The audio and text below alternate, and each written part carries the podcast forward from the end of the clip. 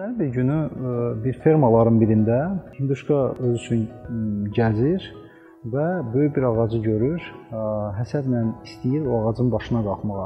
Yaxınlıqda öküz olur və ona yaxınlaşır. Deyir ki, bəs e, öküz sən mənə deyə bilərsən mən bu ağacın başına necə çıxa bilərəm?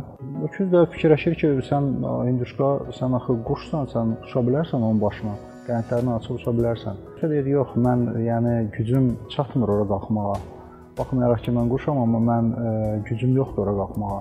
O anda ə, öküz ona təklif eləyir ki, deyir, yəni sənə belə bir şey təklif eləyə bilərəm, sənə çox kömək ola bilər. Mənim nəcisimdə küllü miqdarda proteinlər, ə, qidalı maddələr var, hansı ki, sənə güc verə bilər.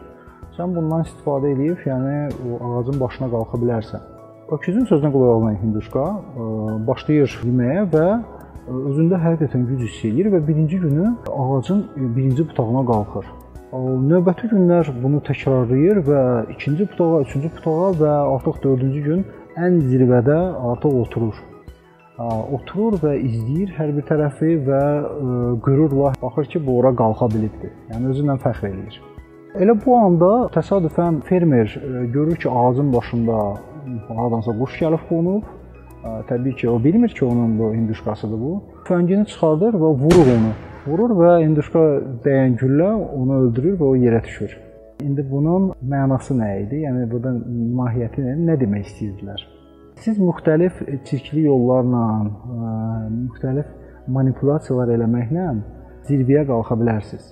Amma bu o demək deyil ki, siz orada qalacaqsınız. Dostlar, diqqətinizə görə təşəkkür edirik. Yeni videolarda görüşmək ümidi ilə Saulo.